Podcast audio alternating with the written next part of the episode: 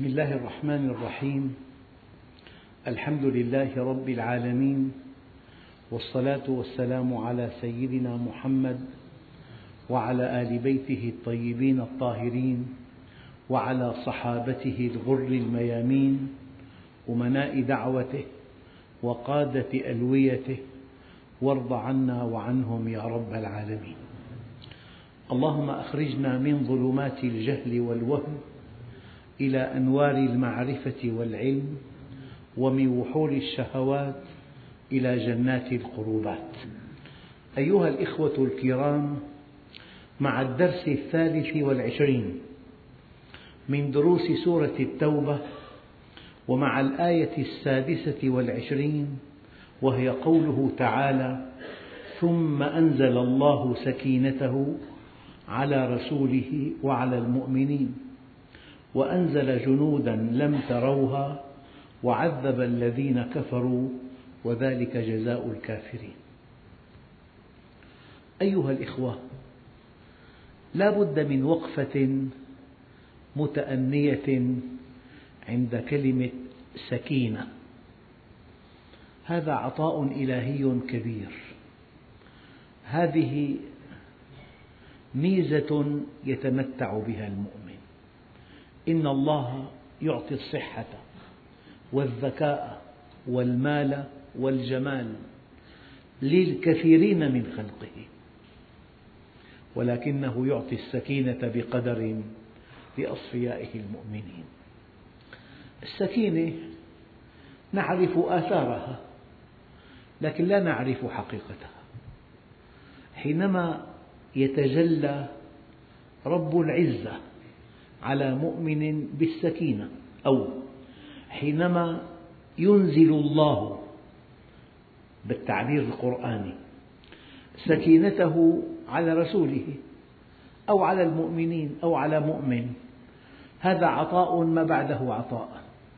هذا عطاء أقل ما يوصف به أنك تسعد به ولو لا تملك شيئا. وتشقى بفقده ولو ملكت كل شيء. هذه السكينة أنزلها الله على قلب نبيه وهو في الغار وهو مطارد ومئة ناقة لمن يأتي به حيا أو ميتا. يا رسول الله لقد رأونا. قال يا أبا بكر ما ظنك باثنين الله ثالثهما. ما هذه الثقة؟ ما هذه الطمأنينة؟ النبي عليه الصلاة والسلام في الهجرة تبعهم سراقة طمع بمئة ناقة لمن يأتي بالنبي حيا أو ميتا. قال له يا سراقة كيف بك إذا لبست سوار كسرى؟ واحد مطارد مهدور دمه. مئة ناقة لمن يأتي به حيا أو ميتا. يقول لسراقة كيف بك يا سراقة إذا لبست سوار كسرى؟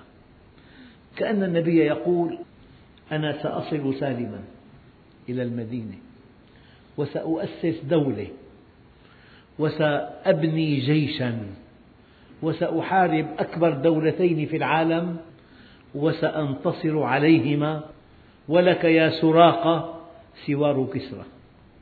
شو الثقة هكذا ينبغي أن يكون المؤمن أن يثق بالله لأن زوال الكون أهون على الله من ألا يحقق وعوده للمؤمنين.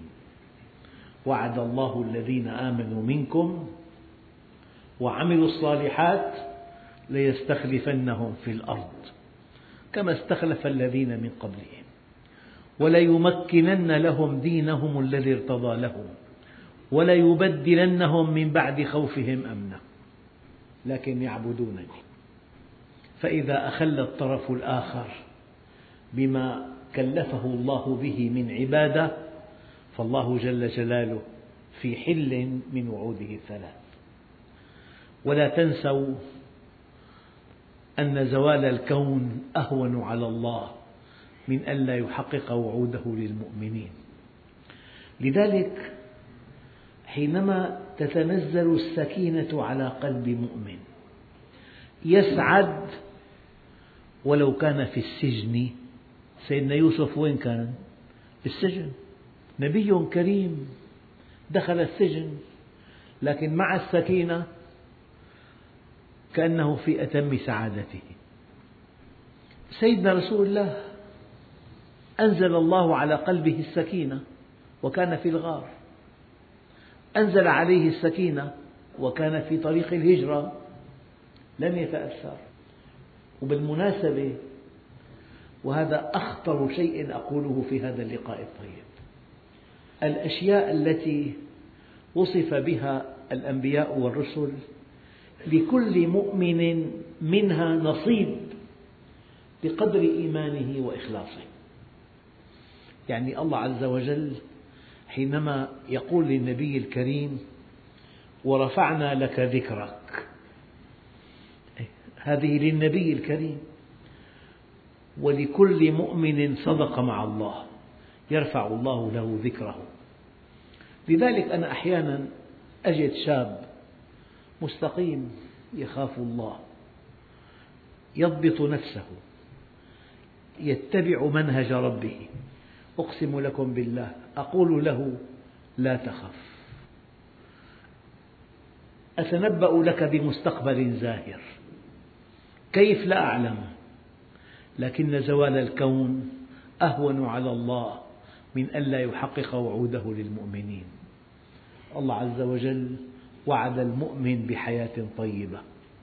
من عمل صالحا من ذكر أو أنثى وهو مؤمن فلنحيينه حياة طيبة. بأي وضع بأي بلد بأي ظرف بأي بيئة. هذا وعد فوق المكان والزمان فوق كل المعطيات فوق كل الأشياء التي توحي بالضعف. لذلك مرة ثالثة زوال الكون أهون على الله من ألا يحقق وعوده للمؤمنين. يعني أحيانا تشيع في حياة المسلمين ثقافة اليأس أو ثقافة الإحباط أو ثقافة الطريق المسدود بسبب أن نكبات تتالت على الأمة الإسلامية في تاريخها الحديث. هذه النكبات المتتالية أورثت ثقافة اليأس والإحباط والطريق المسدود. لكن الله جل جلاله أنا أقول بالتعبير التالي أعطانا جرعات منعشة. يعني رابع جيش في العالم جيش العدو رابع جيش في العالم. أول جيش في الشرق الأوسط. أول جيش بتنوع الأسلحة.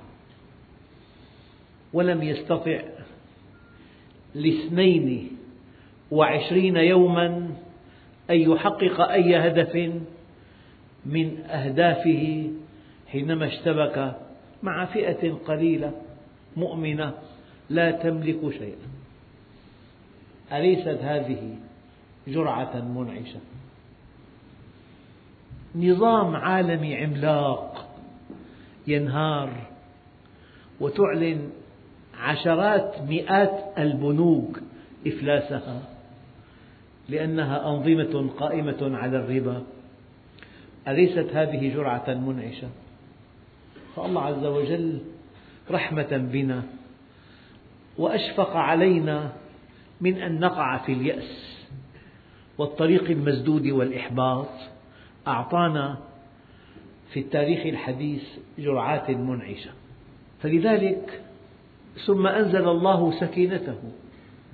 يعني عفوا ورد في الأثر القدسي إن بيوتي في الأرض المساجد. هذا بيت الله. وإن زوارها هم عمارها.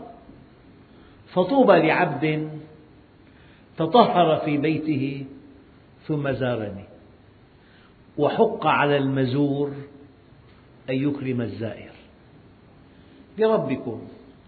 أنتم في بيت من بيوت الله. أنتم في بيت من بيوت الله. ما الإكرام الذي تتوقعونه من رب العزة؟ إن بيوتي في الأرض المساجد وإن زوارها هم عمارها فطوبى لعبد تطهر في بيته ثم زارني وحق على المزور أن يكرم الزائر. بتقول لي ما في مقعد مريح ما في بالمسجد على الأرض. إيه، عصير ما في شاي ما في ما في أي ضيافة. فأي إكرام هذا؟ انتظر. ورد في قوله تعالى وأقم الصلاة إن الصلاة تنهى عن الفحشاء والمنكر ولذكر الله أكبر. قال علماء التفسير ذكر الله أكبر ما في الصلاة لأن الله عز وجل يقول وأقم الصلاة لذكري. هذا تفسير. لكن ابن عباس رضي الله عنه له رأي آخر. قال في معنى قوله تعالى وأقم الصلاة لذكري أيها المسلم أنت في الصلاة تذكر الله. لكن ذكر الله لك وأنت في الصلاة تذكره أكبر من ذكرك له. لأنك إن ذكرته أديت واجب العبودية له. لكنه إذا ذكرك وأنت في الصلاة وأنت في المسجد إذا ذكرك منحك نعمة لا يتمتع بها في الأرض إلا المؤمن. منحك نعمة الأمن. قال تعالى فأي الفريقين أحق بالأمن؟ إن كنتم تعلمون. الذين آمنوا ولم يلبسوا إيمانهم بظلم أولئك لهم الأمن وهم مهتدون. المعنى نفسه جاء بآية أخرى قل لن يصيبنا إلا ما كتب الله لنا.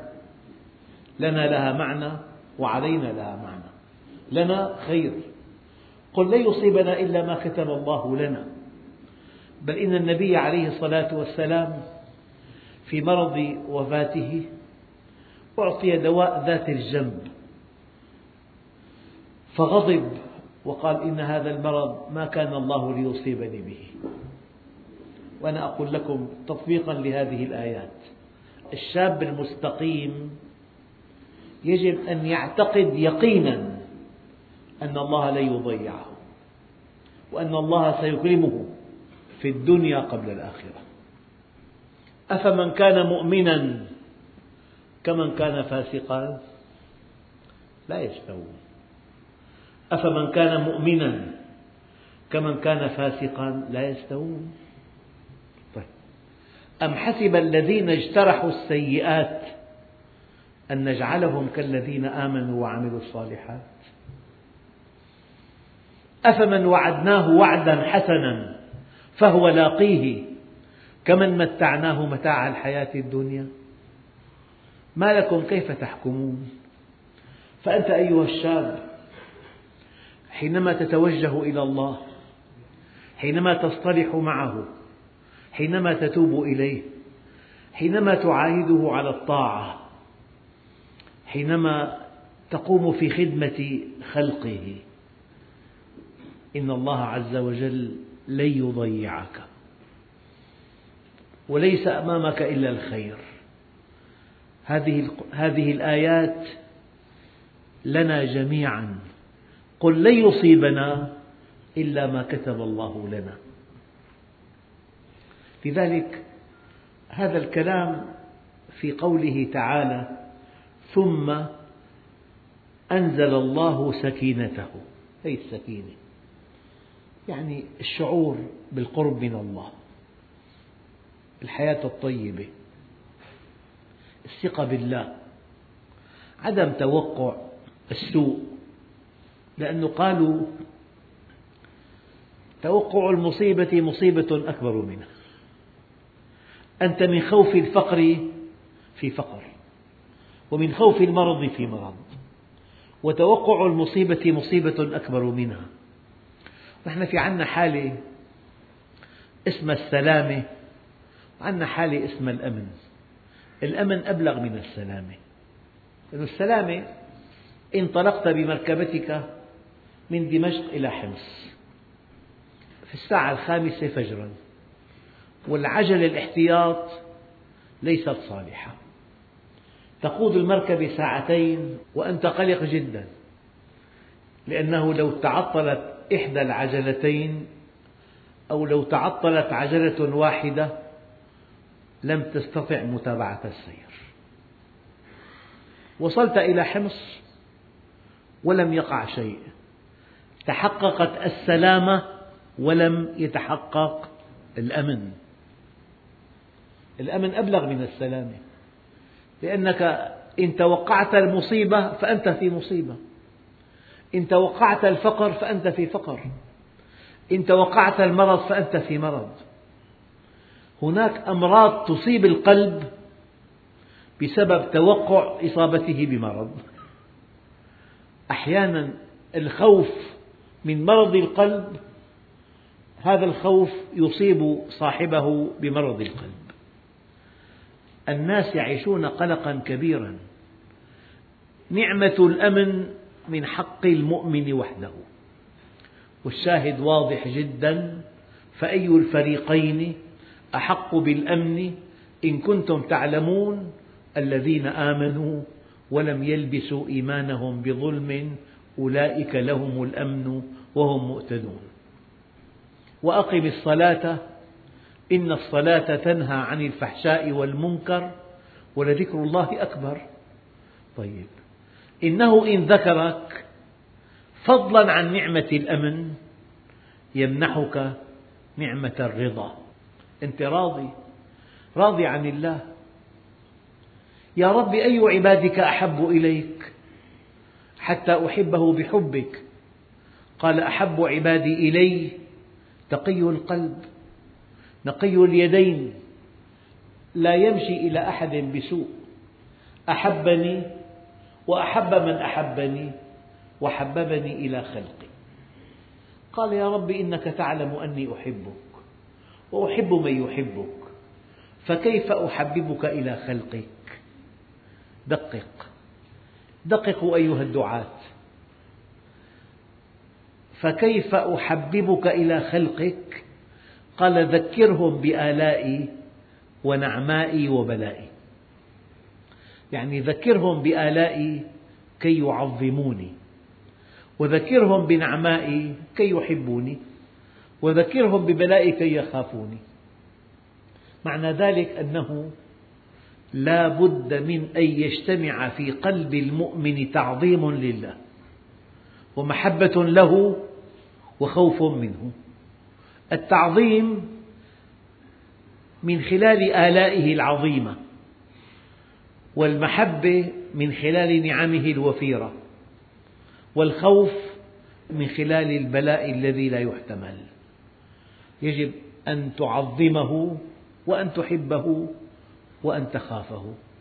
لذلك وأما من أوتي كتابه بشماله فيقول يا ليتني لم أوت كتابي ولم أدر ما حسابي يا ليتها كانت القاضية ما أغنى عني مالية؟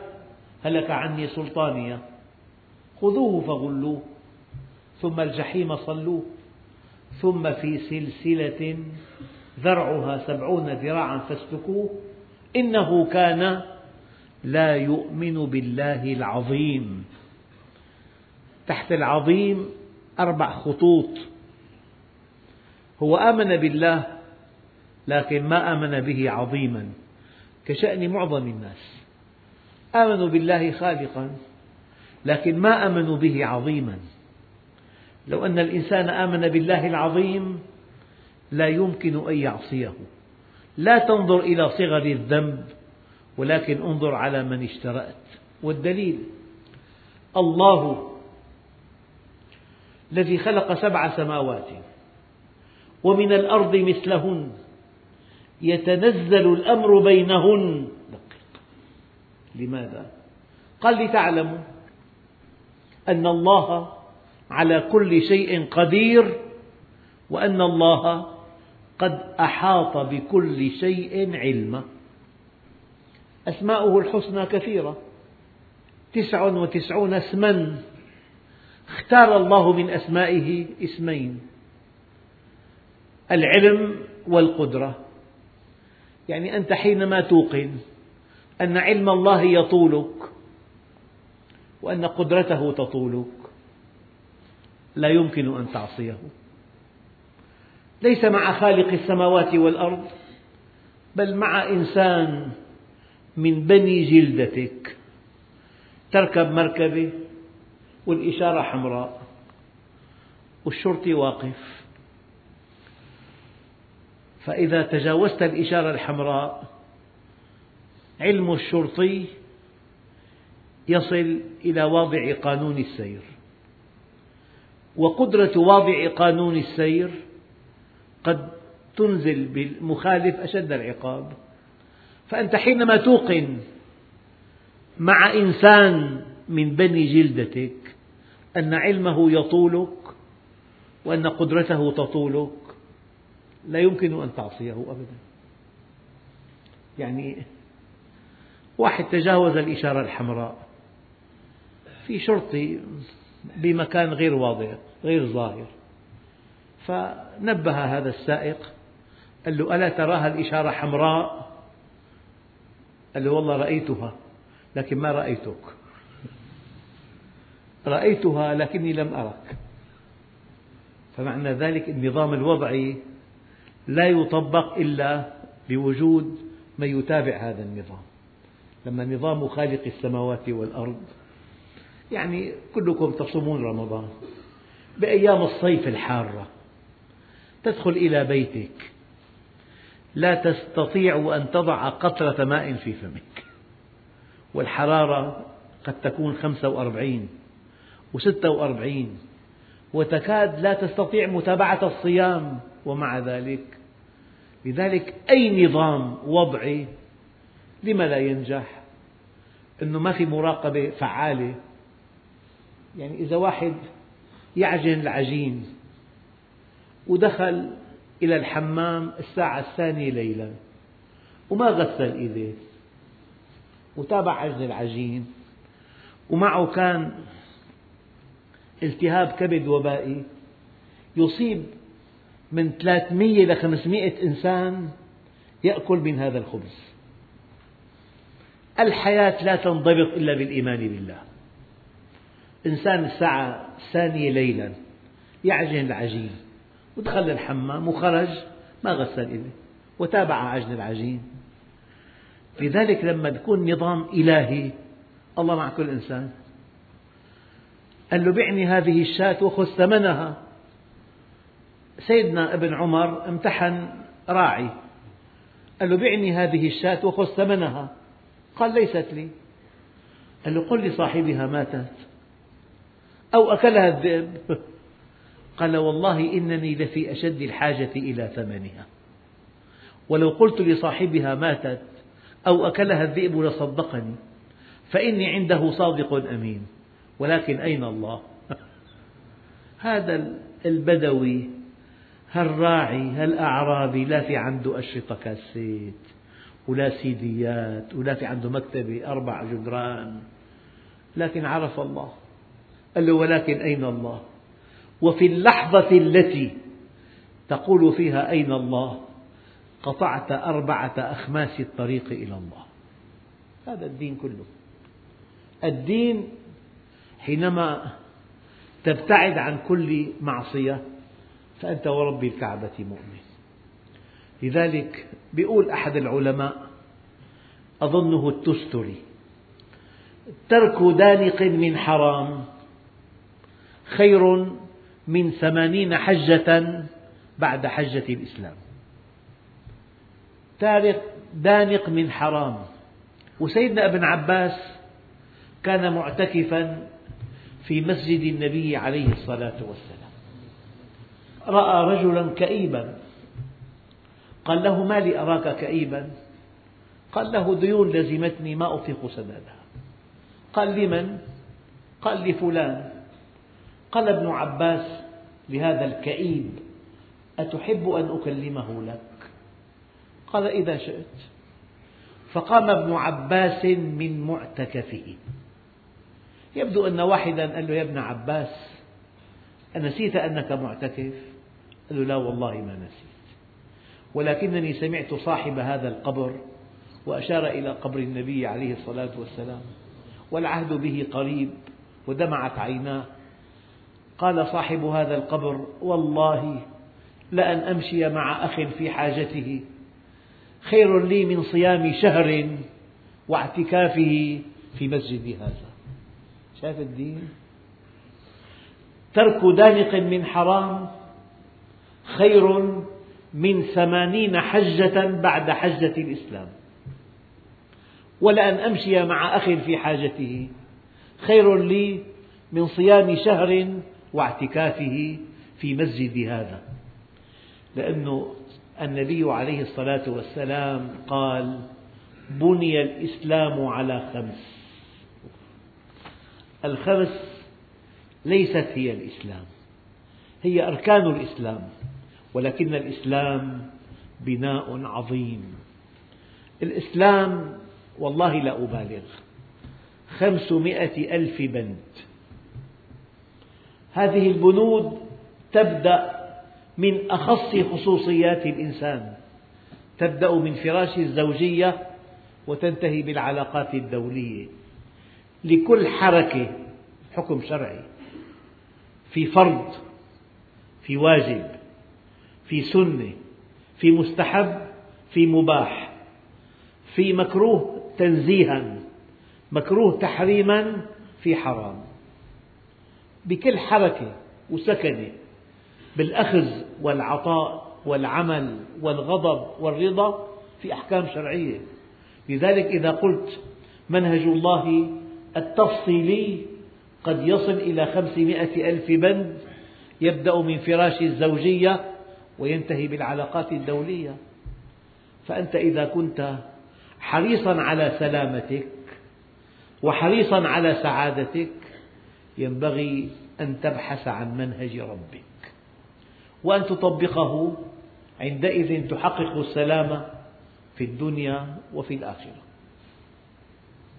أخواننا الكرام في قوله تعالى ثم أنزل الله سكينته على رسوله وعلى المؤمنين. الأشياء العظيمة التي خص الله جل جلاله بها رسوله جزء منها خص بها المؤمنين والآية واضحة. ثم أنزل الله سكينته على رسوله وعلى المؤمنين. وأي مؤمن بأي مكان بأي زمان.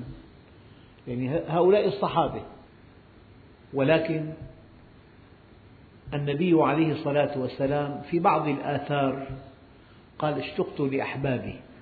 قالوا أولسنا أحبابا؟ قال لا أنتم أصحابي.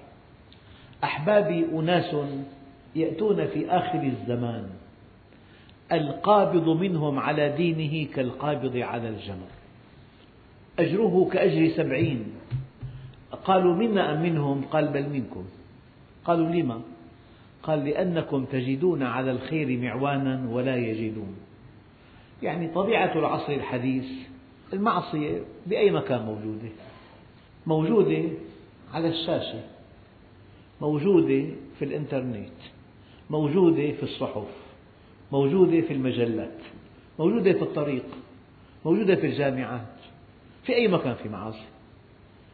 فهذا الذي يقبض على دينه كأنما يقبض على الجمر لأنه من علامات قيام الساعة موت كعقاص الغنم. لا يدري القاتل لما يقتل ولا المقتول فيما قتل. حدثني أخ من بلد مجاور أنني أودع زوجتي وأولادي كل يوم بأن احتمال الموت خمسون بالمئة. أيضا هذا يعني أن نشكر الله عز وجل من أعماق قلوبنا على نعمة الأمن التي نتمتع بها. يعني في حالات صعبة جدا. فلذلك ثم أنزل الله سكينته. الحالة النفسية المريحة الثقة بالله الطمأنينة الرضا. الإنسان حينما يصلي ذكر الله له أكبر من ذكر العبد لربه. إن ذكرك الله في الصلاة منحك نعمة الأمن منحك نعمة الرضا منحك الحكمة. أنت بالحكمة تسعد بزوجة من الدرجة العاشرة ومن دون حكمة تشقى بزوجة من الدرجة الأولى. أنت بالحكمة تجعل العدو صديقا. وبالحمق تجعل الصديق عدوا. أنت بالحكمة تتدبر أمرك بدخل محدود ومن دون حكمة تبدد المال الكثير. يعني الفرق بين مؤمن وغير مؤمن فرق مو بالدرجة فرق بالنوع. يعني للتقريب أنت من أسبوع ما لك آكل في لحم مشوي بأعلى مستوى. وفي لحم بمكان آخر متفسخ له رائحة لخمسين متر. تكاد تخرج من جلدك من رائحة اللحم المتفسخ. وفي لحم آخر مشوي تتوق إليه. القطعتين لحم بس الأولى لحم متفسخ والثاني لحم شهي. وهكذا الإنسان في إنسان تشتهي أن تجلس معه. تشتهي أن يحدثك تشتهي أن تجاوره تشتهي أن تسافر معه. في إنسان لا تحتمل مزاحه ولا تعليقاته ولا عاداته ولا تقاليده. لذلك أيها الإخوة من نعم الله العظمى أنك تعيش بين المؤمنين. فإذا كنت أنت مع إخوة مؤمنين طيبين طاهرين صادقين أوفياء يتعاونون معك. هذه نعمة لا تعدلها نعمة. ثم أنزل الله سكينته على رسوله وعلى المؤمنين. دعني أقول لك بصراحة إن لم تقل أنا أسعد من في الأرض إلا أن يكون الآخر أتقى مني. في عندك مشكلة. حتى أن بعض العلماء قال إن ذكرت الله فلم تشعر بشيء وحده. إن صليت الفريضة فلم تشعر بشيء. إن قرأت القرآن فلم تشعر بشيء فاعلم أنه لا قلب لك. مستحيل. أن تذكر الله ولا يذكرك. أن تقبل عليه ولا يقبل عليك. أن تخطب وده ولا يخطب ودك. مستحيل. إذا تقرب إلي عبدي شبرا تقربت منه ذراعا. وإذا تقرب ذراعا تقربت منه باعا. وإذا أتاني مشيا أتيته هرولة. هذا المعنى دقيق جدا. ثم أنزل الله سكينته على رسوله وعلى المؤمنين وأنزل جنودا لم تروها. في عندنا قاعدة بالمنطق عدم الوجدان لا يدل على عدم الوجود. يعني لو أيقظنا إنسان من قبره من خمسين سنة أريناه قرصا أنا عندي قرص في خمسة عشر ألف عنوان. معنى عنوان قد يكون كتاب أربعون جزء. ما قلت كتاب قلت عنوان. القرطبي تسعة وعشرين جزء. إذا كان على قرص في خمسة عشر ألف عنوان ضرب خمسة حد أدنى. على قرص النصوص مضبوطة بالشكل. يمكن أن تبحث عن موضوع بخمسة عشر ألف عنوان أو بمئة ألف كتاب. ببضع ثواني هذا الذي أيقظته من قبره قبل خمسين عام بصدقك لك مجنون. أنه عقله مرتبط بواقع ما كان في كمبيوتر. هلأ كان لما الخليفة يعطي أمر بالمدينة حتى الأمر تتبلغه بدك شهر. يركب فارس على جواد من المدينة إلى الشام إلى بغداد. بده شهر. شهر. الآن بثانية. أنا أقول العالم خمس قارات. صار قارة واحدة. ماشي. صار بلد. صار مدينة. صار قرية. صار بيت. صار غرفة. الآن العالم سطح مكتب. أي شيء يقع في العالم بعد ثواني تراه بعينك. أليس كذلك؟ فإذا أيقظت إنسان من قبره قبل خمسين عام.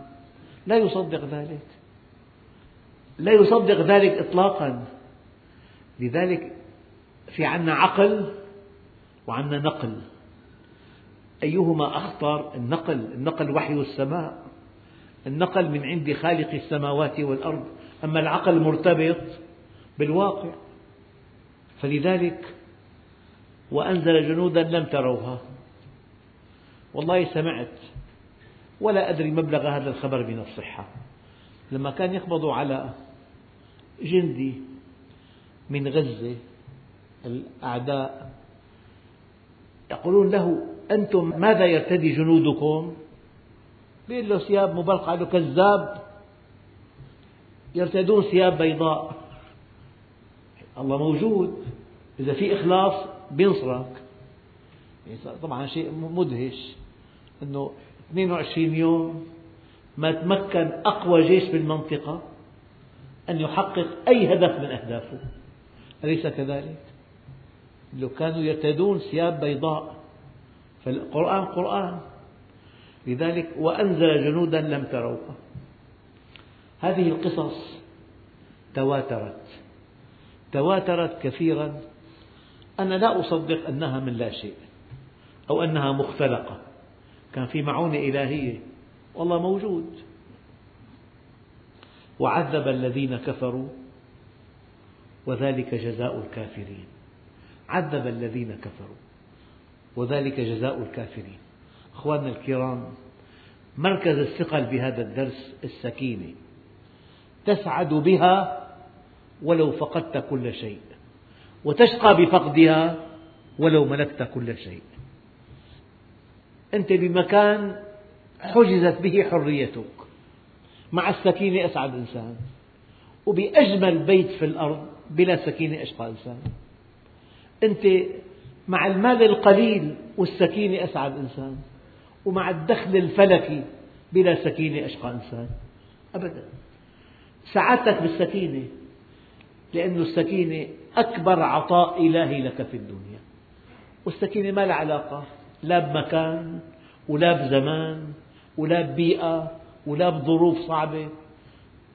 وعد الله عز وجل فوق كل الظروف وفوق كل المعطيات. فآية اليوم ثم أنزل الله سكينته على رسوله وعلى المؤمنين وأنزل جنودا لم تروها وعذب الذين كفروا. وذلك جزاء الكافرين والحمد لله رب العالمين. بسم الله الرحمن الرحيم. الحمد لله رب العالمين والصلاة والسلام على سيدنا محمد الصادق الوعد الأمين. اللهم أعطنا ولا تحرمنا أكرمنا ولا تهنا آثرنا ولا تؤثر علينا أرضنا وارض عنا. وصلى الله على سيدنا محمد النبي الأمي وعلى آله وصحبه وسلم والحمد لله رب العالمين الفاتحة